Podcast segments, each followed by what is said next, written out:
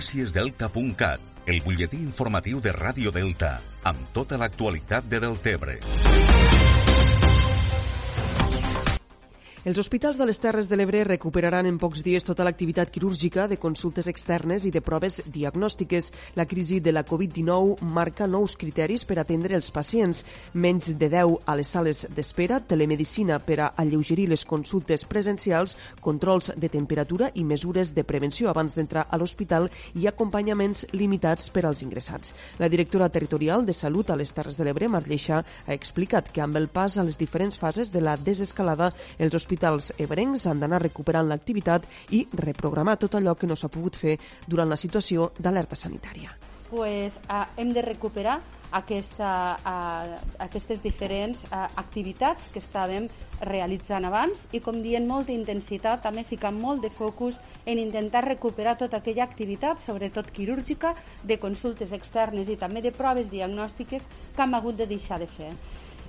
Lleixà també ha explicat que es faran proves PCR abans de les intervencions quirúrgiques, abans d'algunes proves i també per als parts. Lleixà ha fet una crida a no abaixar la guàrdia al territori on la incidència actual del virus és molt baixa. Més qüestions. L'Escola de Tenis de Deltebre farà entrega d'un xec de 1.152 euros a l'Hospital de la Vall d'Hebron de Barcelona per a finançar la nova unitat de neonatologia. L'escola va organitzar a finals de febrer el torneig de tenis benèfic Guerrers sense armadura a les instal·lacions del Centre Esportiu del Delta amb l'objectiu de destinar tota la recaptació al projecte Amb tu com a casa, un nou centre de neonatologia avançada que té com a principal objectiu humanitzar este servei.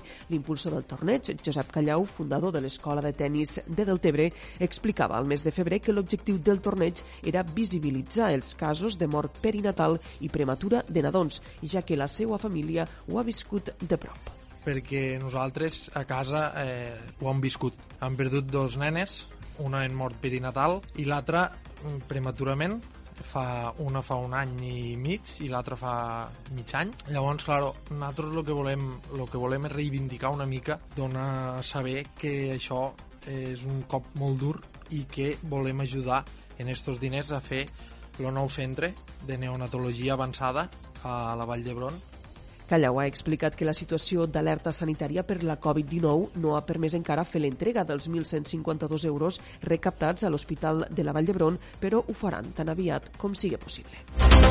Això és tot per ara. Ja saben que trobaran més notícies, com sempre, al portal deltacat.cat.